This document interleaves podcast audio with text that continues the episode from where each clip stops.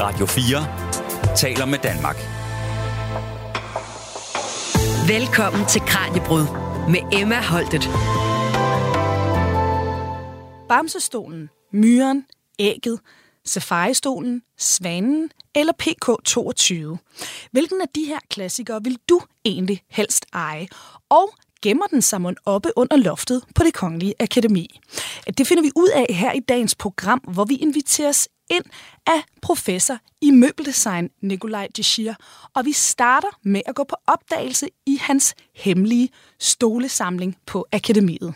Her jagter vi nemlig svaret på, hvad der må kendetegner godt design, og hvorfor netop dansk møbeldesign har opnået international særstatus. Vi kigger også ind i fremtiden for at finde ud af, hvad de nyudklækkede designere må have fokus på, når de skaber alt fra nye tekstiler til bruger- og børnevenligt hospitalsinventar. Nu skal vi altså på opdagelse bag kulisserne i møbeldesignernes univers. Velkommen her til dagens Karnibrud. Radio 4 taler med Danmark. Ja, nu er Kranjebrud landet her på det Kongelige Akademi. Vi er lige ved siden af operan. Vi står øh, på et ret varmt loft, Nikolaj. Ja. hvor vi er omgivet af, jeg ved ikke, hvor mange forskellige artede stole. Nogle af dem kan jeg genkende, nogle har jeg aldrig set før. Hvad er det her for en samling? Det er jo en stolesamling. Øh, vi kalder den også en studiesamling, fordi den er ikke øh, åben for offentligheden. Det er ikke ligesom et designmuseum, hvor man kan gå ind og se forskellige objekter, designobjekter. Det er en samling, som er egentlig påbegyndt i 30'erne og 40'erne, tror jeg, og kraftigt udvidet i 50'erne og 60'erne øh, af forskellige undervisere og professorer, som har været ansat på det kongelige akademi, og som har haft forskellige interesser. Så det er altså ikke noget, man kan se hvert udviklingstrin i stilhistorien, men man kan vide noget og lære noget om øh, materialer, om samlinger, om ergonomi og forskellige stoltyper. Og der er cirka 400 stole heroppe. Det er helt vildt. Okay, så vi er simpelthen landet i en øh, ellers hemmelig stolesamling. Og øh, nu siger du, at den er etableret i 40'erne, men hvor gamle er de stole? Altså, hvad er den ældste stol, der er her? Jamen, jeg tror, den ældste sådan, fysiske stol, vi har, den er fra en gang i slutningen af 1700-tallet. Den har vi faktisk ikke stående lige her, så vi kan se den. Men vi har faktisk noget, der er lidt sjovt, som er endnu ældre, som ja. faktisk er enormt gammelt. Og det er, det er den, der står her. Og det er altså en kopi af en stol, som er øh, konstrueret, kan vi vel kalde det, for det var før man havde designere. Den er øh, udført i oprindeligt tegningerne i øh, år 1250 før vores tidsregning. Og øh, stolen er en nøjagtig kopi af en stol, der blev fundet i Tutankhamons grav, gravkammer, der blev udgravet i 1920 i Ægypten. Og, og det er jo ret interessant at se, at jeg ved ikke, hvad du tænker, når du ser den. Jamen altså, jeg synes, det ligner noget fra 50'erne. Ja. Jeg havde gættet på sådan noget Bermonsen, eller ja. et eller andet, hvis du havde spurgt, hvem der havde tegnet den, ikke? Ja. Det, nu kan lytterne ikke se den, men altså fletsædet ligner noget, jeg sagtens kunne forestille mig på en stol fra den tid, og materialet designet. Jeg synes virkelig, det ligner noget fra i hvert fald 1900-tallet. Ja, det, altså det er ikke Milano sidste år, det kan man godt se, men ja. det er alligevel noget, vi meget tydeligt kan genkende som en stol. Ikke? Fire ben og et sæde og et skråt stillet ryglæn, og måske har der været en pude på, kan man godt forestille sig, mm. men det kunne i virkeligheden godt være sådan en, sådan en god øh, lounge-stol fra 50'erne eller sådan noget. Ikke? Øhm, og øh, altså det, der er lidt interessant ved den her, det er jo, at man kan se, hvor man kan sige, stabil møbelkunsten i virkeligheden er. Ikke? Altså hvor lidt den har forandret sig, fordi vi tydeligvis kan genkende den mm. som en stol. Ikke? Og vi plejer også at sige, når vi tager studerende ind i det her lokale første gang, øh, at enten ser de en masse gamle stole, eller også ser de en hel masse viden. Så på mange måder det her er jo sådan lidt ligesom et bibliotek, hvor man kan tage en gammel bog ned af hylden og slå op i den og blive klogere på det. På samme måde kan man ved at sætte sig ind i de her stole, prøve på at undersøge sådan deres indre øh, væsen, øh, blive meget klogere på møbelkunsten. Og hvis man lige går tilbage til den her egyptiske stol her, så øh, kan man jo sådan set have en samtale med en egyptisk, kan vi kalde det designer, der har siddet der for 3250 år siden og tegnet den her. Fordi dybest set, så har de arbejdet med det samme. Hvordan bliver konstruktionen samlet? Altså, hvad er det for nogle samlinger, der skal til for, at den kan holde? Hvordan sidder man godt? Og hvordan skaber man en smuk stol. Mm. Og det er jo stadigvæk de samme ting. Så ændrer materialer sig og teknologier og den måde, vi bruger møblerne på, men der er en stor del af møblernes sådan indre væsen, der er meget, meget stabilt. Mm. Ja, nu siger du, at teknologi og sådan noget ændrer sig. Altså, jeg kunne jo ikke se, at den der ikke var lavet i midten af 1900-tallet. Ikke? Uh, altså, hvis man sådan skal lave uh, nogle, nogle nedslag i de her stole, rent teknisk, hvis vi nu starter ved den her og siger, at det, det er det ældste, altså, hvornår kommer mm. næste spring så sådan i teknikken? Altså, uh, hvornår sker der noget? Fordi jeg synes umiddelbart, det der, det ser ud som ja, noget, der går rigtig lang tid faktisk ja. tilbage fra det her, ikke? fordi det her det er så tilvirket med, med værktøjer og i hånden selvfølgelig. Ikke? Mm. Så skal man jo helt op i 1700-tallet, hvor den der teknologi på grund af dampmaskinen og så videre bliver, bliver bedre, så man kan arbejde sådan lidt mere hvad skal man sige, serielt og lave nogle større serier og få en større ensartethed i produktionerne og sådan noget. Men ellers så sker der de store spring, når der sker noget, nogle teknologiske spring. For eksempel, vi kan se på en anden stol, den her op, det er en, som mange lyttere, hvis de kunne se det, vil genkende. Den her stol, det er en turnéstol, og det er faktisk verdens første serieproduceret stol fra 1860'erne, tror jeg. Mm. Og den er jo udført i sådan en dampbøjningsteknik, hvor man altså bøjer træ, mm. sådan så man får de her meget svungne, bløde former. Øh, og det er, der sker helt klart noget der. Og pludselig finder man ud af, at man ret nemt kan bøje, uden at bruge særlig meget træ. Øh, så kan man fremstille ret mange stole øh, til sådan en serieproduktion. Og den bliver jo også sådan et gennembrud. Den kender man fra caféer og så videre, så videre. Så sker der også noget med, øh, altså igen teknologien efter 2. verdenskrig. Mm. Jeg kan lige gå herover. Nu kan jeg jo så spørge dig, hvad er det her? Ja. Det, øh, jeg tror, det er noget, man lægger et såret ben i. Det er rigtigt. Ja. Det er fuldstændig rigtigt. Ja, og det var simpelthen snyd, det var fordi, der stod splint Ja, på okay, den. det så øh, det, det afslørede det altså lidt. Men Der er en meget, meget opmærksom øh, interviewer her, kan jeg så sige til lytterne. Øh, den er faktisk lavet, ved du også, hvem der har lavet den? Det er nogen, der er meget berømte faktisk. Ja, jeg har lyst til at sige et eller andet med Ames, eller sådan et eller andet, men jeg ved ikke. Det er, rigtigt. øh, ja. det er nemlig lavet af, af Ray og Charles Eames, et amerikansk designerpar, som under 2. verdenskrig arbejdede for den amerikanske krigsindustri. Mm. Det vil sige, de lavede de her øh, leg splints, tror jeg den hedder, som man kan lægge sit ben i, hvis det er brækket, og så blive bundet fast, og så kan man blive transporteret. De lavede også borger, og de lavede sæder til fly og sådan forskellige dele. Og det gjorde de i i øh, formbøjet træ. Mm. Og det er sådan, at når man formbøjer træ, det er lidt ligesom hvis man tager et stykke A4-papir. Det kan man kun bøje i en retning. Man kan altså ikke lave det til en kugle, fordi så krøller materialet sammen. På samme måde er det med træfiner. Men hvis du ser her, så er den jo faktisk det, der hedder dobbeltkrum. Den buer den ene vej, og den buer den anden vej, ligesom overfladen på en kugle. Og det kan de jo så, det kan fineren ikke, men ved at lave de her indskæringer, så kan de faktisk få den til at gøre det. Da 2. verdenskrig var slut, så tog de jo hele den der, både erfaringerne og teknologien over i møbelproduktion, og så begyndte de at lave de her møbler. Det er også Ray og Charles Eames, der har tegnet den der, og den vil mange kende, den mm. der lounge chair wood hedder den, som er sådan en, en lav lounge-stol, som består af en, en ret stor sædeskal og en rygskal. Og der sker også nogle gigaspring. Senere bliver, jeg kan lige gå herover, du kan bare blive stående. Det sker så, det her vi har talt om, det sker så i slutningen af, altså efter 2. verdenskrig, slutningen af 40'erne. Men allerede i 52 kommer den her stol, Myren af Arne Jacobsen, og den betjener sig af samme teknologi. Det er altså formspændt. Du kan faktisk se her, hvordan Ja, den er faktisk dele- gået fra hinanden, delamineret, ikke? så man kan se nogle af lagene. Og, øhm, og det er jo en meget enkel måde at producere på, mm. fordi man i et spænd presser en række lag til en skal, og så skal man bare sætte et understel på, og så har man altså en stol. Så det vil sige, at den er billig at producere, og den er enkel og hurtig at lave. Den kan masseproduceres, den kan stables og sendes rundt til hele verden. Må jeg spørge om noget i forhold til myren? Fordi mm. det har jeg altså tænkt på, når jeg har set nyere versioner af den. Den gamle her, den har jo tre ben. Ja. Jeg synes, når man køber dem i dag, så har de fire. Ja. Er det noget form-funktion-diskussion, der har været der? Har den simpelthen været ustabil, eller er det bare et valg, man har truffet senere? Altså Arne Jacobsen, der tegnede den, og døde, han døde i 1971. Og han sagde altid, at hvis, øh, altså det er jo klart, at en producent, de, øh, det, den blev produceret hos Fritz Hansen, mm. og en producent øh, vil jo gerne prøve på at udbrede deres produkter som, og sælge så mange som muligt, og de synes, der skulle fire ben på. Men det sagde Arne Jacobsen, det er nok med tre, så skal der ikke flere. Så det er først efter hans død i 1971, at familien gav lov til, at den blev produceret med fire ben på. Hvilket jo, kan man sige, er meget fornuftigt, fordi hvis man har fået et par genstande her, og man sidder lidt yderligt på stolen, ikke, så, så er den ikke så sikker. Men det er jo helt klart, at den er smukkest i den her udgave med mm. de tre ben. Mm. Så det, det har altså været øh, noget, der er Det er helt klart æstetiske hensyn, ikke? Ja, ja, ja. ja. Jamen altså, så vi har øh, nu med splinten her og øh, fineren altså fået en ny stoltype. Hvad er så øh, det næste skridt, der sker?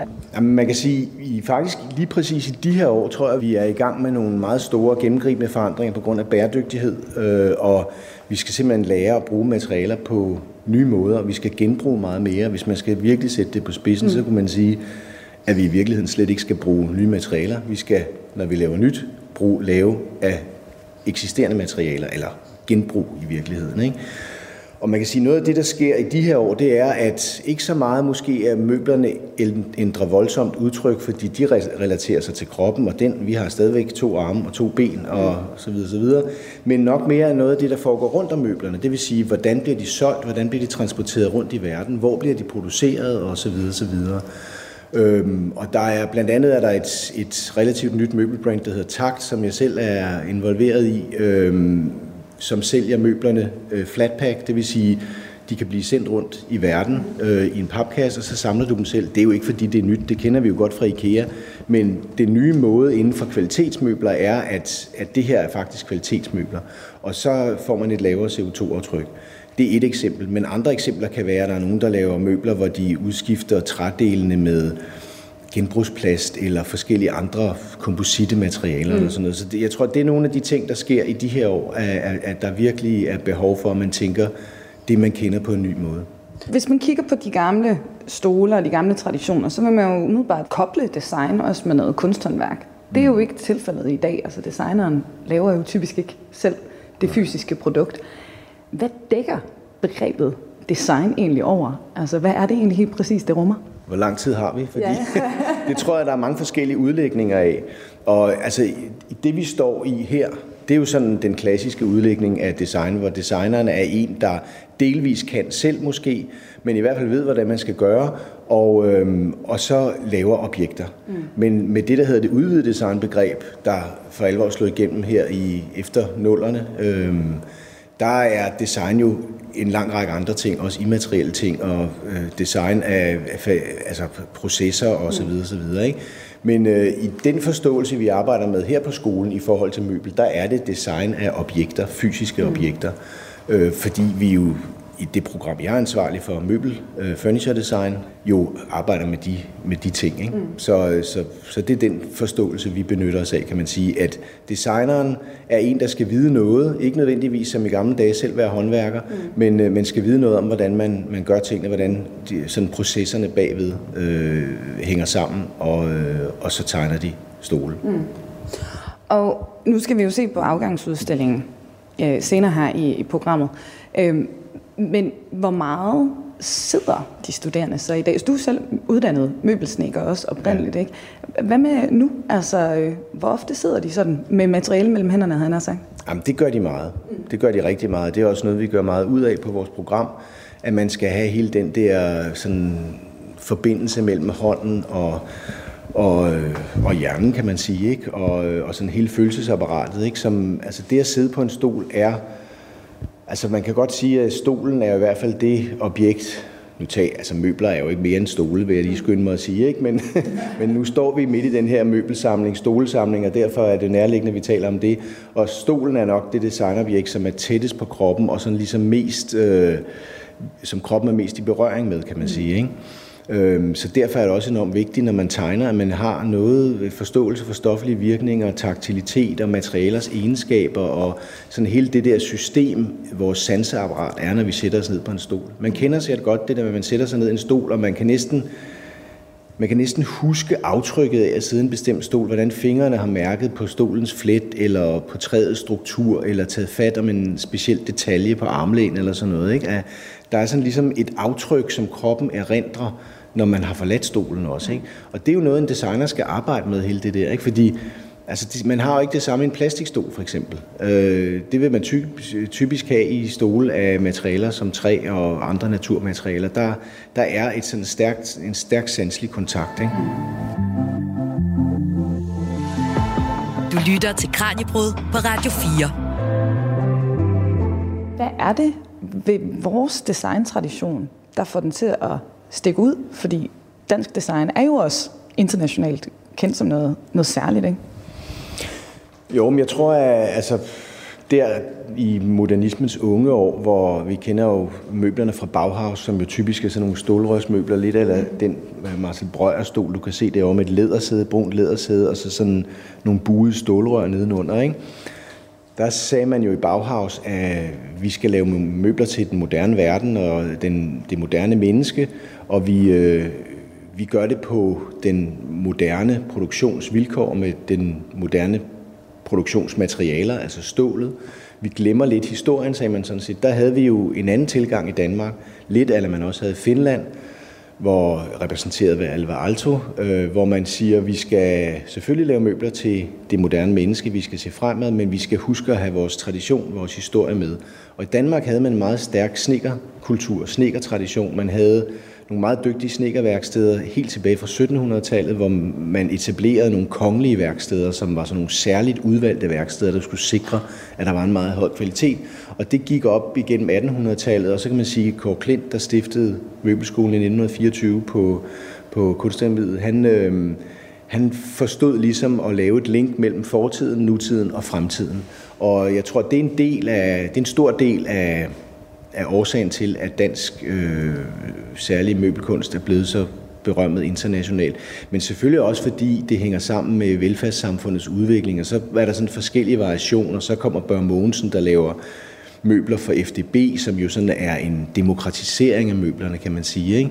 Øh, Finn Juhl laver sådan nogle ekstravagante møbler, organisk formgivning og organisk modernisme, som amerikanerne får øje på, og både Wiener og, og Finn Juhl fik jo stor succes i udlandet, specielt i USA efter 2. verdenskrig. Så der er sådan flere ting, det trækker i flere retninger. Der, man kan ikke sige en sætning, som forklarer det hele, men jeg tror, der er sådan flere ting, der men, men først og fremmest det der med, at vi fik ligesom sådan vores lange tradition og hele historien med, i, mens vi så fremad. Mm. Og det her øh, højdepunkt, hvis vi kigger tilbage i historien, for vi skal jo også ned og kigge fremad, ikke? altså mm. nede i afgangsudstillinger, som du siger, der er nu et fokus på bæredygtighed. Mm. Det er blandt andet rigtig meget det, man designer ja. med henblik på. Hvad med dengang? Altså øh, blandt de her store sådan, design hvad har de primært haft for øje i deres designprocesser? Altså hvad har, har været deres mål på en eller anden måde? Nej, men jeg tror, man kan sige om nogle af dem, at, øh, at de, øh, altså sådan en som Børge Mogensen for eksempel, han har jo lavet alt, hvad man kunne få fat i, altså skabe lænestol, øh, plejehjemsmøbler, børnemøbler, alt forskelligt, øh, alt inventar til boligen simpelthen. Og jeg tror, han arbejdede meget stedigt på at øh, løse nogle øh, behov, som brugerne havde, og ikke på selv at træde frem i første række og være smart og, og, og lave nogle ting, som sådan stak ud. Jeg tror, han, han så sine møbler som nogle objekter, der skulle tjene hverdagen, kan man sige. Ikke? Og på den måde ligesom sådan er vokset ud af hele den der vores sådan bondekultur og værkstedskultur, og måske også det der med, som man kender fra, fra landbrugskulturen, hvor man, hvor man havde en række værktøjer, som man ligesom som hjalp ind i hverdagen. Ikke lidt på samme måde kunne man godt se møblerne der, øh, set gennem Børge Mogensens optik i hvert fald. Jeg tror, Finn Juhl havde måske en anden tilgang. Ikke? Han var optaget af international kunst, og, og, og hans møbler ser jo også ud på en anden måde. Øh, men altså, Wiener og Bør Mogensen har nok været sådan lidt mere lavmælet. Så er der Paul Kærholm, som er sådan meget sådan æstetisk båret formgivning, og, øh, så, så det er lidt forskelligt, vil jeg sige. Man kan, jeg tror ikke, man kan sige noget entydigt om det, men, men, øh, men samlet har de jo nok været optaget af, at de har været optaget af, af at tegne gode møbler, øh, og så har der været lidt forskellige øh, aftagere til dem. Er det i virkeligheden lidt unikt så for de designere, der bliver uddannet i dag, at der på en eller anden måde er den her sådan fælles brændende platform, uanset hvad ens æstetiske udgangspunkt er, altså der, det her med klima og, mm. og bæredygtighed, det er jo virkelig går på tværs i nærmest alt, vi diskuterer i dag, ikke? Ja, nogen vil jo nok synes, det er en klods om benet, ikke? Øh, med rette, kan man sige, fordi det er jo, det er jo noget, man på en eller anden måde må forholde sig til, tænker jeg når man er, men man behøver ikke at gøre det samme eller udvikle den tradition. Man kan også bruge det til at slå fra og sige, at det, det vil jeg skide på, jeg laver noget helt andet. Ikke? Og det er jo fint nok, synes jeg. Men vi prøver på at bruge den her samling og den historie for ligesom at præsentere de studerende og sige, at vi har altså et særligt udgangspunkt, når vi kommer fra Danmark og designer møbler. Og det kan I bruge eller lade være, men, men I skal bare vide, at det er der på en eller anden mm. måde. Ikke? Men i forhold til sådan hele den der bæredygtighedsproblematik, så man sige, at møbler, som har en lang sådan visuel æstetisk holdbarhed, møbler, der man kan holde ud og se på længe, øh, det er i sig selv bæredygtigt. Det er ikke nok overhovedet, men, men det er et godt udgangspunkt. Og designet, altså hvis, hvis man nu laver et møbel, som er bæredygtigt i alle mulige henseender i forhold til, øh, øh at det er cirkulært, og det kan repareres osv., men det ser ud af helvede til, og man, ikke kan, at det ikke, man kan ikke holde ud at have det længere end to år, så smider man det ud. Det er jo overhovedet ikke bæredygtigt. Så, så designet er jo enormt vigtigt i forhold til at sikre bæredygtighed, fordi det skal kunne holde i lang tid. Ellers er det lige meget. Ikke? Og der kan man altså hente noget her, fordi mange af de møbler, vi har her, det er jo nogle, som vi stadigvæk køber, som vi stadigvæk gerne vil have. Altså den der stol, der står derovre, Bør Mogensens J39, også kaldet Folkestolen, den var, altså den, den, den kender vi jo, og vi kender den så meget, så vi, vi næsten ikke lægger mærke til den, hvis vi kommer ind i et rum, hvor den er, fordi vi har set den så meget. Ikke? Og det var, det var stolen på tegnesalen her på Arkitektskolen fra 1965 og indtil for 10 år siden eller sådan noget. Øh, man kan se, at der er sådan nogle mærker i benene, hvor man har åbnet ølflasker på, når man skulle holde fest. Ikke? øhm, men, men, men det er jo en stol, som man stadig som, som vores studerende går ned og køber hos en Maskendiser, eller nu er de efterhånden ved at blive ret dyre, ikke? og bruger igen i dag. Og den er jo produceret for 70 år siden, eller sådan noget, ikke? Ja. Ja, og der kan man virkelig, jeg ved, vi har i hvert fald haft dem i min folkeskole, i, øh, ja. eller i min skole i kantinen, øh, og der er der blevet vippet på dem og alt muligt andet. Ja. De holdt til, til ja. virkelig meget, ikke? Øh, altså en anden stol, vi bliver nødt til, vi skal jo også nå ned i afgangsudstillingen, men der er altså noget, fordi nu snakker vi om stole, og jeg er jo fra Jylland, så selvfølgelig har man reddet på hest. Det der, det er altså en sad. det, det er ikke en stol. Øh, den smækker man på ryggen af en, af en pony. Mm. Øh, hvad, hvad er det, vi står og kigger på? Jamen, det er en meget, meget fin sadel fra en af de sidste sadler, der blev lavet hos øh, en, en sadelmager her i København, der hed Dalmans efterfølger som var berømmet for meget, meget øh, højt håndværksmæssigt niveau. Og øh, det er rigtigt, det er ikke en stol, men det handler jo om at sidde. Ikke?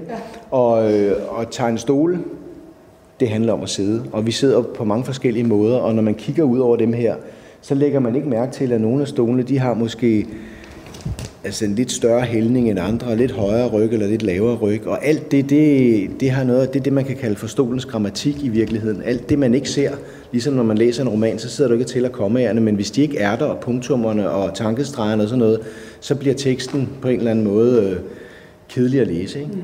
Så hele det der med grammatikken, hvordan er ergonomien i, i, sådan, i sådan en øh, stol, det er vigtigt at orientere sig bredt, og derfor skal man også prøve at sidde på en sadel, mm. eller overveje, hvad er, det, hvad er det, der foregår, når man sidder med rank ryg øh, i sådan en konstruktion der. Og så er der en anden ting. Den her sadel er indkøbt af Paul Kærholm, som var meget optaget af sådan nogle håndværksmæssige detaljer. Hvis du prøver at se de her fine stikninger, der er her, ja. syningerne i de tykke kerneleder.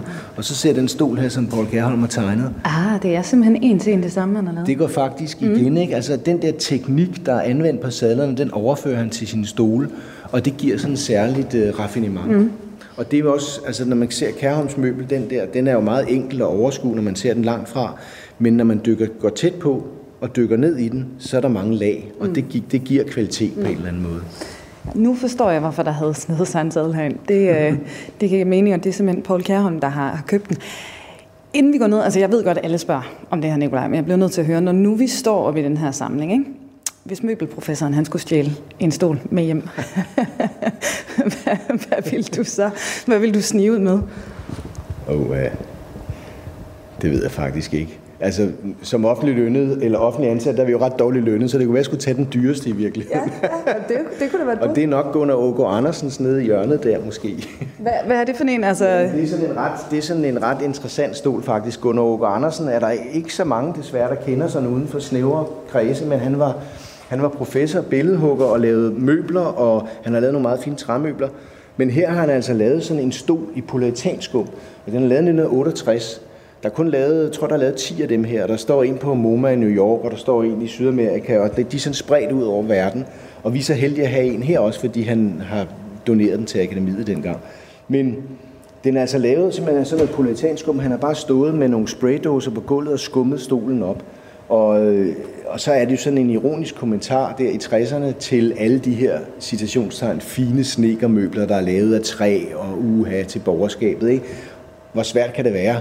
Øh, vi skummer det da bare op med sådan noget politanskum. Ikke? den, den hedder også B-stolen, ikke? hvad ja. den også ligner. Så okay. det kunne være, det var den, jeg skulle tage Altså, hvor meget, ikke det, du... hvor, hvor, hvor meget i kroner og øre er sådan Nej, en det, der det, det, det, tør jeg ikke. Det, det, det, er ikke, ikke... Men der er en god grund til, at der står sæd venligst ikke. Ja. Ja, okay. Vi, vi lader ja. det være ved det. Så. Men altså, man kan sige, at hvis jeg sådan skal være lidt mere nede øh, i forhold til, øh, til, hvad der vil være en god stol, så vil jeg sige, når man har haft med møbler at gøre i så mange år, som jeg har efterhånden, så bliver man jo enormt kredsen, ikke? Øhm, men altså, jeg synes, der er nogle af de der Kærholm-ting, der er rigtig fine, men, men altså også sådan en stol som den, vi talte om før, den der J39, det synes jeg, det vil jeg sige, det er næsten min yndlingsstol. Jeg synes, det er en fantastisk, en fantastisk stol. Den er smuk, og den, man kan holde ud og se på den rigtig længe, og så har den også, altså den har træk af andre stole, og man kan sige, i kunstens verden ser man jo også, at et værk bygger på et andet på en eller anden måde. Der kan være referencer. Jeg synes, det er den kvalitet ved en stol, at man ligesom kan se, at den har en iboende fortælling, at den peger på noget andet. Den der stol, den er Bør Mogensens der, den kommer dels fra inspiration fra øhm, noget, der hedder den latinske pindestol, altså sådan nogle stole, man kendte omkring Middelhavet for nogle generationer siden, ikke? sådan nogle lokalt øh, tilvirkede stole, men også fra shakerstol fra Nordamerika, sådan noget. så det kommer sådan mange steder fra, ikke? og det, det og finder hinanden i den der stol. Det er meget vellykket, synes jeg.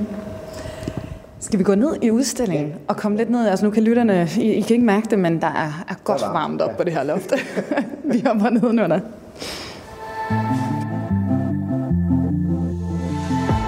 Du lytter til Kranjebrud på Radio 4. Og her i dagens program, der bliver vi lige nu klogere på dansk møbeldesign.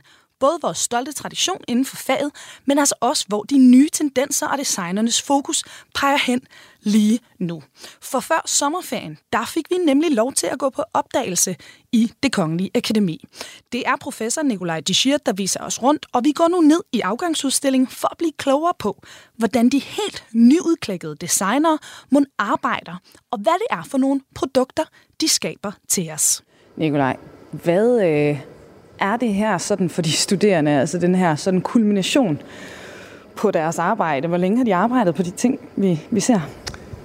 Det er afslutningen af deres uddannelse. Vi står i skolens festsal, som i øjeblikket bliver brugt her mod slutningen af året til at, udvise, øh, til at vise alle øh, afgangsprojekterne. Og dem har de arbejdet på i cirka 100 dage.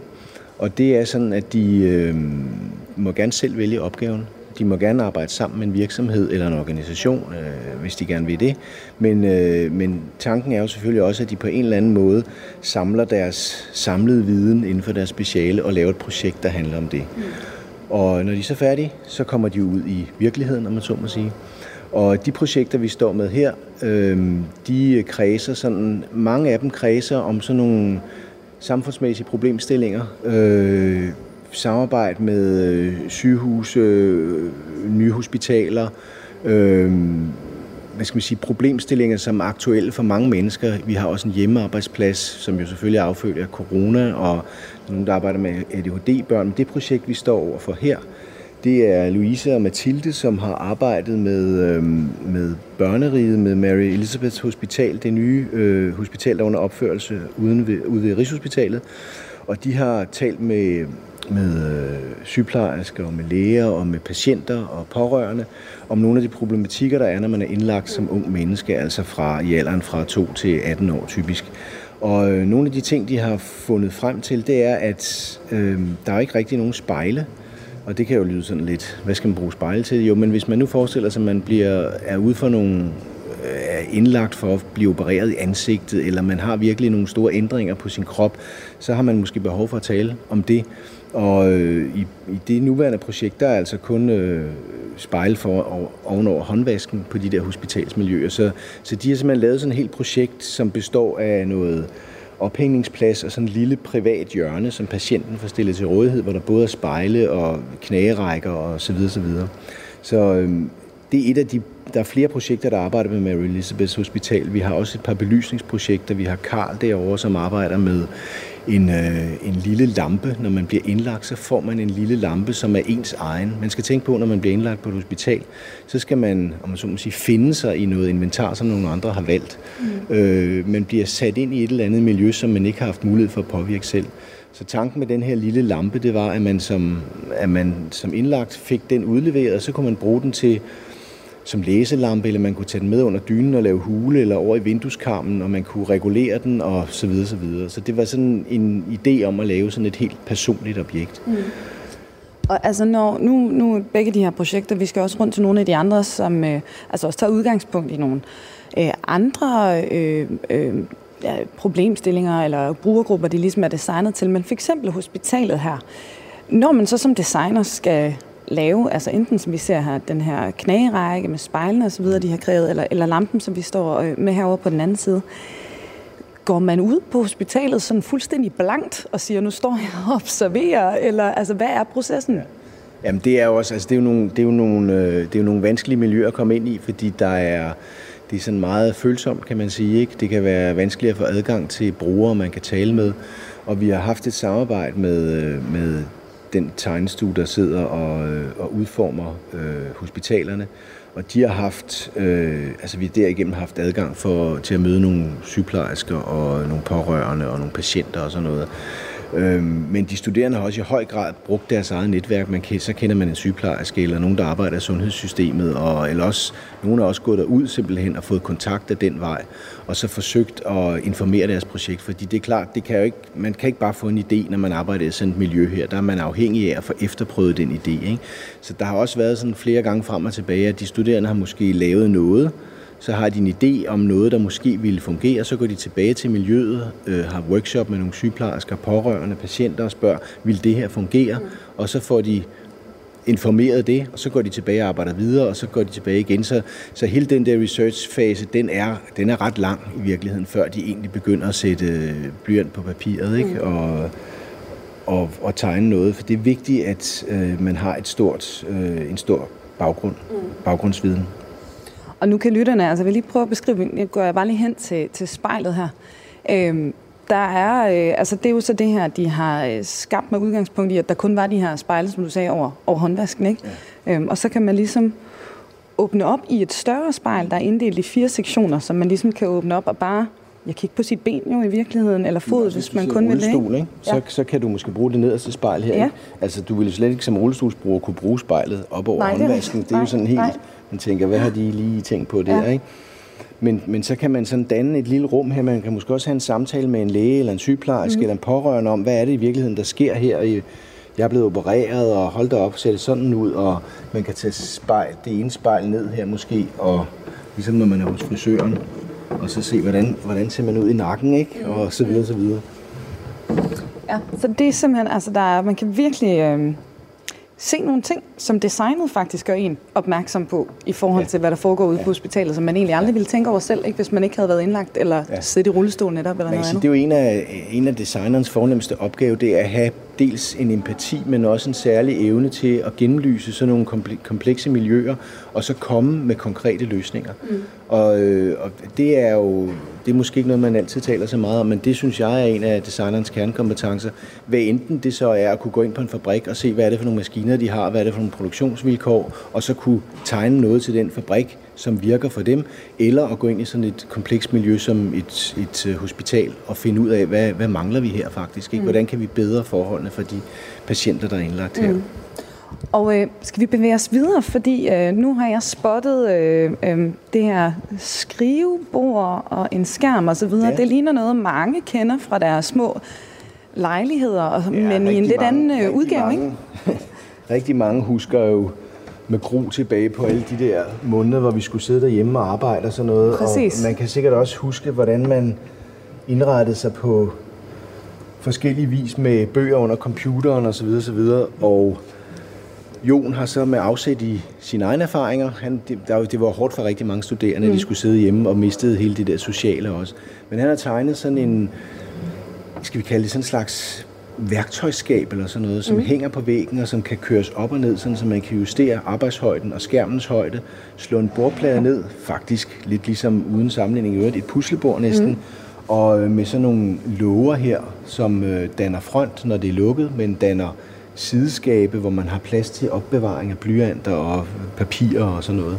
Og når man så lukker skabet efter endt arbejdsdag, så er det slut. Mm. Så det er sådan et meget specifikt sted, hvor man kan arbejde, mm. og, øh, og igen også lugte og holde fri. Mm. Så den der lille studiebolig, der slet ikke er designet til at rumme den ja. del af ens liv, det ja. kan den faktisk ja. med, med så lille et møbel, ikke? Ja. Det, er også, øh, det er også smart. Så igen, en helt anden, øh, en helt anden funktion, der så er designet til her. Der var også noget andet, vi lige skulle kigge på her på øh, den anden side, hvor vi lidt går over i øh, sundhedssektoren, igen vel på en måde. Ja, altså det er ikke specifikt et hospital, men det er Maria, der har arbejdet med, med problemstillinger for ADHD-børn, som, som kan have svært ved at sidde stille på, øh, på øh, skolestolen eller på skolebænken, og øh, har brug for nogle øh, sådan lidt forskellige øh, sjove hjælpemidler, kan man sige. Og Maria har blandt andet lavet nogle puder, som man kan stable op sådan med forskellige teksturer i tekstilet, så der er sådan forskellig berøringstaktilitet, og, og derved kan børn med ADHD måske bedre holde ud og være i de der situationer, mm. fordi de hele tiden kan flytte kroppen og stable puder oven på hinanden og røre ved nogle forskellige øh, overflader.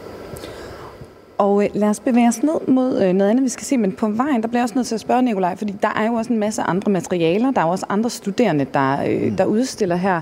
Hvad er samarbejdet egentlig sådan på tværs af, af de forskellige grene her på, på skolen og de studerendes arbejde? Jamen altså, man, man går, det er sådan lidt forskelligt, hvor man går hen, men, men dem, der går over hos øh, os, altså på Furniture Design, øh, vi har, det hedder furniture design, ikke for at være smarte, men fordi vi faktisk optager udenlandske studerende, ja. så vi underviser på engelsk. Øhm, og vi står faktisk ved et projekt nu, som måske meget godt kan illustrere det der med samarbejde på tværs af specialerne. Det er Emma, som har arbejdet med, øh, med demens og, øh, og folk på plejehjem, som har, altså har svær demens, øh, har ofte også brug for at kunne røre ved og mærke sådan en eller anden form for kontakt med med verden øh, for at berolige dem. Og så har hun så lavet sådan tre viste, som har sådan forskellige øh, hvad skal man sige, detaljer mm. her, der er ligesom indvævet sådan nogle små, øh, sådan nogle små øh, ja, hvad skal vi kalde det, uldknuder, man kan sidde og, ah, og røre ved ja. med, med fingrene og føle og lade fingrene vandre i det mm. her. Og, øh, og der, da hun startede det projekt, så vidste hun ikke, at det skulle ende med tre veste. Men det gjorde det så, fordi det var ligesom den vej, øh, hendes undersøgelser øh, mm. bar hende. Og så arbejdede hun, så fik hun nogen over fra fashion øh, design til at komme og hjælpe hende med at udforme den der. Så der var altså sådan et, der var et samarbejde mm. der. Og vi har jo også værksteder. Man har, det er jo ikke sikkert, at hvis man skal tegne en stol, at man så laver den i træ. Det kan jo godt være, at man laver den i et eller andet andet mm. materiale, at man skal lave den i keramik, mm. øh, eller i ler, eller et eller andet andet. Så vi har nogle værksteder, som også understøtter tværfaglighed. Mm. Så det gør vi helt klart. Og netop det her, nu snakker vi også om, at det hedder furniture design, men det her med materiale er jo også virkelig en, øh, en afgørende del af arbejdet for jeres studerende. Øh, om bagved her, der øh, var der også et af jeres studerendes projekter. Det ligner jo ikke umiddelbart et møbel, Nej. men det her det er netop noget med, med materiale. Ja, men det er, det er Frederik, der arbejder med, hvordan man kan printe med sådan noget papirpulp, altså simpelthen sådan noget øh, genbrugspapir. Mm øh, og hvordan man kan få det ind i en 3D-printer. Og det er jo noget med blandingen og, øh, og bindemiddel osv., og om hvordan man så kan arbejde med det og få nogle nye øh, kunstneriske muligheder. Øh, altså lave struktur, strukturer på en mm. ny måde, og så at det ikke, han har ikke lavet et bestemt møbel, men han, han har ligesom lavet en materialeundersøgelse, som anviser nogle mulige veje med sådan et materiale. Og det er jo sådan nogle ting, vi nok vil komme til at se meget mere af i fremtiden, også i forhold til bæredygtighed og genbrug af materialer og sådan noget. Ikke? Ja, jeg skulle til at spørge, fordi altså, nu har vi jo snakket om Flatpak, som jo selvfølgelig har en stor øh, demokratiserende effekt, kan man sige, ikke? i og med, at man kan, man kan shippe det ud over det hele. Øhm, men altså netop 3D-printeren, tror du, det bliver realistisk, at folk sådan vil, vil printe møbler selv, eller altså, er, det, er det bare sådan en fremtidsutopi? Jamen, jeg synes, det er jo altid sådan med de der fremtidsscenarier, vi, vi, vi siger, det er lige om to-tre år, ikke? Men, men der er jo tit ret lange tilløb til det. Ikke? Men, men det er jo besnærende at tænke på, at man har en 3D-printer derhjemme, og så, så downloader man en tegning, og så kan man så selv printe et eller andet. Ikke? Mm. Øhm, hvornår det kommer til at ske, om det kommer til at ske, det, det skal jeg ikke svare på. Det, det tør jeg ikke svare på. Jeg tror i det hele taget, at, øh, at mange ting i fremtiden nok vil på mange måder ligne det, vi kender. Men, øh, men hele sådan system, eller systemerne omkring det vil være ændret. Ikke? Altså, hvor bliver det produceret, hvordan bliver det produceret, hvordan bliver det transporteret, og hvordan anvender vi materialerne og genbruger dem, og kan tingene repareres og øh, indgå i en eller anden form for cirkularitet og sådan noget. Ikke? Så jeg tror mere, det er sådan systemerne i første omgang i hvert fald, som vil blive ændret.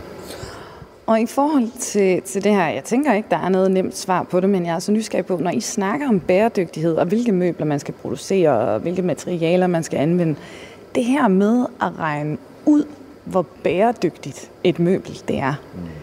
det må være vildt kompliceret. Du har netop også sagt det, Mads, det kan jo også bare være øh, noget, vi har lyst til at kigge på lang tid, der gør, at det faktisk overlever længe, og dermed er bæredygtigt. Hvordan regner I på de der ting, når I, øh, når I arbejder? Øh, jamen, det er meget svært, ikke? Men og der kan være nogle forskellige ting, som man kan prøve at anvende isoleret set. Vi har lavet et projekt med vores andet semester her i år, hvor de har målt, vi har arbejdet sammen med en virksomhed, der hedder Målbar, som måler CO2-aftryk ud. Og de har sådan et kæmpestort Excel-ark med materialers aftryk og CO2-forbrug, det vil sige energiforbrug og så videre, så videre igennem hele, altså sådan en livscyklusanalyse. Og så har de målt ud, at hvis de så har tegnet en stol, så har den et CO2-aftryk på måske 35 kilo eller sådan noget. Det er en måde at prøve det på, men, men, men der er jo ikke nogen facitliste. Jeg synes i det hele taget, at vi i øjeblikket er i sådan en tid, hvor vi alle sammen venter på, at der er nogen, der skal fortælle os, hvad vi skal gøre, og hvad der er det rigtige, og hvilken vej vi skal gå. Men der er ikke nogen svar. Og jeg tror måske også, man kan sige, at den type uddannelse, jeg underviser på her, i hvert fald i forhold til, da jeg selv var studerende, har det nok ændret sig meget i den retning af, at, at det tidligere var et sted, hvor man kunne gå hen og få nogle svar. Men i dag er et sted, hvor man kan stille nogle spørgsmål sammen, uden at kende svarene. Mm. Og det er i hvert fald noget, vi forsøger at gøre med de studerende. Altså prøve på at stille spørgsmålene. Altså skal vi overhovedet producere møbler mere? Eller hvis vi skal, hvordan gør vi så det? Men, men ikke sådan, at jeg som underviser med mange års erfaring har svarene, for det har jeg ikke. Jeg er lige så uforstående over for, hvad vi skal gøre på mange niveauer, øhm, som, som hvis man kommer ind på skolen her, tror jeg. Ikke? Men jeg synes, det er super interessant og super spændende og inspirerende at være forskellige generationer, som stiller de spørgsmål sammen og forsøger at komme med nogle mulige svar udstikke nogle retninger, undersøge noget. Ikke? Mm. Og det er selvfølgelig også det, vi gør her med de her forskellige projekter. Hvad, altså, hvad, hvad oplever du hos de studerende? Altså skaber det her sådan, øh, inspirerer det dem, at det er øh, det, der ligesom er, er tilstanden, eller er det frustrerende for dem? Altså netop, man går jo i skole for at få nogle svar og finde ud af, når man, øh, hvis jeg skal lave bæredygtigt design, så skal det se sådan her ud. Hvad siger de, når I, når I siger, jamen øh, det skal I selv, selv hjælpe os med at finde ud af? Det, langt de fleste, de er da helt med på den. Mm. Øh, det tror jeg også i øvrigt, at de er også mm, på mange måder, øh, at det ikke første gang, de oplever det i uddannelsessystemet, vel? at de selv skal formulere og, og programmere og så videre. Ikke? Øh, så det tror jeg bare er helt naturligt. Mm. Og så er det jo så skønt med, med, med yngre mennesker, yngre end jeg i hvert fald, i dag, at de ikke, altså, at der ikke er de der autoritetsbarriere på den måde, så man har en mere sådan fri udveksling i øjenhøjde, kan man sige. Ikke? Og det synes jeg er fint. Mm. Det, det, det, sådan skal det være. Og apropos øh, nye løsninger, nu står vi jo også og kigger på noget. Nu snakker vi lige om det der med anvendelsesmuligheder også, og så videre. Ikke? Altså i forhold til bæredygtighed, der er der et projekt her, hvor, øh, ja, hvordan kan man beskrive det? Det er vel et møbel, der kan blive til flere ting? Ja, det er Amalie, der har arbejdet med sådan et, øh, vi kan måske mere, skal måske mere kalde det for et system. Altså det er sådan mm. en, en lang række, eller ikke en lang række, men nogle enkeltdele, som kan sættes sammen på forskellige måder, så det både kan blive til en stol, eller til en skammel, eller et lille bord, eller en reol, eller en bænk, alt efter hvilke behov man har. Så tanken er ligesom, at man tager det med sig, når man flytter, men også når der opstår nogle nye behov. Altså vores liv er jo sådan, altså det, er jo, det ændrer sig jo med jævne mellemrum. Ikke? Så flytter vi sammen med en kæreste, så får vi måske børn, så flytter vi fra hinanden igen, så flytter børnene hjemmefra osv. Så, videre. så vi har hele tiden sådan nogle skiftende behov. Ikke? Det er sådan lidt harmonika over det, man trækker ind og man mm. trækker ud. Ikke? Så, så Amalie har ligesom prøvet på at lave noget, som, som kunne svare på, på den der omskiftelighed, der er i vores brug af møbler. Mm. Og lad os bevæge os øh, videre ned, fordi der er, der er mere, vi skal nå at se. Men her på vejen, øh, Nikolaj, altså I øh, arbejder jo også med forskning øh, her. Hvad er det egentlig, der er fokus på lige nu, når, øh, når det handler om, øh, om forskning? Jamen, altså, jeg synes, at, at man, generelt kan man sige, at der er, sådan, øh, der er to typer forskningsprojekter. Der er ligesom dem, der beskæftiger sig med sådan en slags grundforskning. Altså, øh, man skal altid undersøge samlingsmuligheder og æstetik og stoletyper og sådan noget. Nu taler vi inden for mit fagområde, ikke? Som, som sådan en slags grundforskning. Og så er der noget, som er sådan lidt mere strategisk, som måske kan være samarbejdsprojekter, hvor man søger noget ekstern finansiering og man, øh, man undersøger nogle ret specifikke ting, som måske også kan være med til at drive den der grønne omstilling, hjælpe nogle virksomheder med at få bedre økonomi i deres, øh, i deres projekter osv., ved at kigge på nogle af de teknologier, de anvender. Det kan for eksempel være sådan noget som altså, formspænd, eller kan man gøre det på nye måder, kan man bruge nye materialer, kan man i det hele taget, hvordan sikrer vi den der grønne omstilling. Der kan forskningen være med, fordi vi har jo på uddannelsesinstitutionerne har vi jo tiden mm. til at fordybe os i længere tid. Det vil man jo opleve mange små virksomheder, at, og også større virksomheder, man simpelthen ikke har tiden, fordi man skal levere til kunderne osv. osv. Ikke? Men det har vi, og det kan vi bidrage med, og det er tit et frugtbart samarbejde, fordi vi har tiden, og virksomhederne har den viden, der skal til, og og, øhm, og erfaring også med, med, med processerne. Og vi kan så også fortælle vores studerende, så vi laver også forskningsbaseret undervisning, altså hvor vi trækker de projekter ind i undervisningen og bruger dem som gode eksempler. Ikke? Mm. Og øh, nu er de stoppet ved endnu et af de studerendes øh, slutprodukter her. Hvad er, øh, det er en udendørs stol, men hvad er det særlige ved den her stol, vi står og kigger på?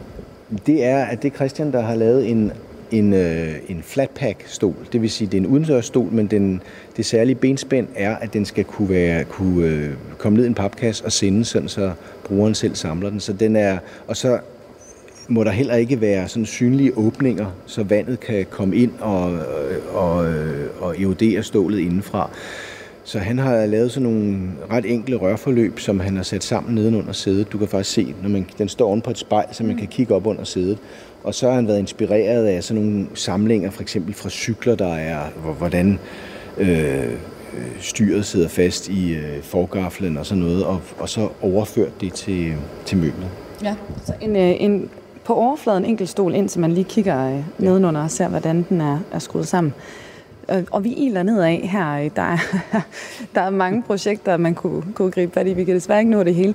Men øh, i forhold til, nu nævnte jeg tidligere jo, at du blandt andet har en, en baggrund som møbelsnækker.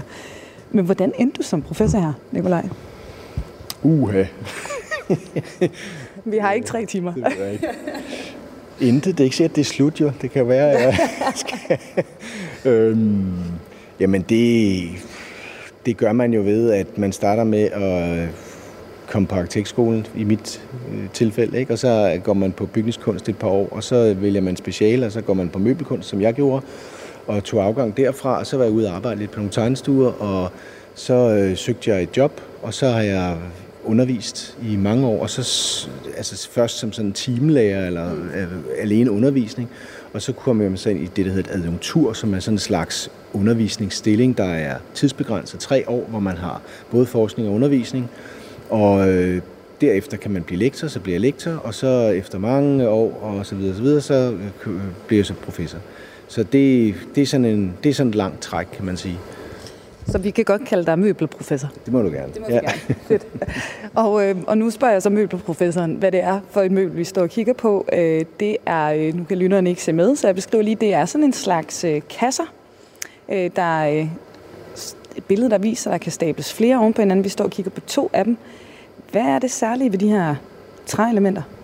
Ja, det er faktisk øh, en reolkasse som en flyttekasse. Øh, Øh, Rune har arbejdet med, altså Rune har selv erfaret, at man i, som ung menneske i 20'erne flytter ofte. Nogle flytter måske øh, flere gange om året, øh, og det er besværligt, og så skal man have fat i nogle flyttekasser, man skal pakke sine ting ned, og man skal skrue reolerne ned fra væggen osv. osv. Så han har lavet en bogkasse med et låg på, så man simpelthen bare kan flytte sine ting i sin reolkasse. Der er håndtag i siden, og der er sådan et låg, der kan der kan lukkes i og lukkes op, og så er den egentlig blevet ret fin. Så den, den, den ligner sådan et, øh, et lille reolsystem, samtidig med at det faktisk bare er en flytkasse. Det er mega smart. Altså, øh, det, øh, det tror jeg er en problemstilling, selv også der er ældre godt kan huske, mm. at man, man havde. Ikke? Øhm, apropos det her, altså nu står vi jo så her i, i afgangsudstillingen, og øh, de studerende, hvis projekter vi har gået og, og kigget på, altså vi kan jo høre, det er virkelig forskellige artet det, de arbejder med. Vi har både kigget på noget, der primært handler om materiale, og ting, vi kender sådan helt fra vores nære hverdag, hospitaler, altså specialdesign. Det kan godt være, det er et umuligt spørgsmål, men sådan generelt set, nu har vi, vi startet jo op hos de gamle ikoner, ikke? hos stolene og den stolte sådan møbeldesign-tradition.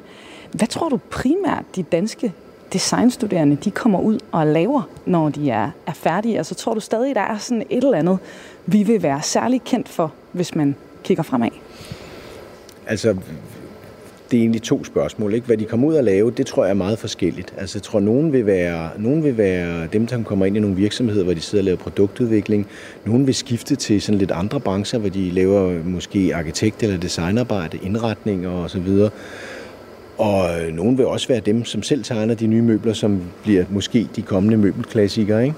Øhm, øh, og øh, hvad var det andet, den anden del, du spurgte Jamen, det var det, hvad vi bliver kendt for, tror Ja, du? Altså, for, altså, nu var det jo stolen og de ikoniske sådan, traditioner før, Altså, ikke? jeg vil sige, det kunne da være mit håb, at, at dansk sådan, møbeldesign fik sådan en version 2.0 eller 3.0 eller 4.0, eller hvad vi skal kalde den, hvor vi simpelthen bliver kendt for øh, en kombination af bæredygtige løsninger, samtidig med at det er godt design. Fordi det synes jeg, vi mangler. Og det kunne være sådan en helt øh, genoplivning eller revitalisering af sådan den der gode fortælling fra midten af forrige århundrede om dansk design. Det kunne være flot. Du lytter til Radio 4. Det var altså hele Danmarks møbelprofessor, Nikolaj Deschier, der viste os rundt i dag bag kulisserne på det Kongelige Akademi. Kranjebrød er tilbage igen i morgen kl. 12.10, hvor vi bliver klogere på Ecuador og hvorfor. Det er et af naturens helt store skattekamre. Men indtil da, tak fordi du lytter med. Mit navn er Emma Elisabeth Holtet, og Kranjebrud er produceret af Videnslyd for Radio 4. Musik er en hurtig genvej til at komme ind bag facaden. Hvis man skal sige essensen af, hvem er jeg, så er det de samme. Ind bag den offentlige person. De synger også irriterende godt. I Portrætalbum bruger Anders Bøtter musikken til at vise nye sider af sine gæster. Gita Nørby, Tim Christensen, Sofie Gråbøl, Anders Akker, Allan Olsen. Både dem, du er fan af, og dem, du ikke troede, du havde noget til fælles med. Velkommen til Portrætalbum. Lyt til Portrætalbum i Radio 4's app, eller der, hvor du lytter til podcast.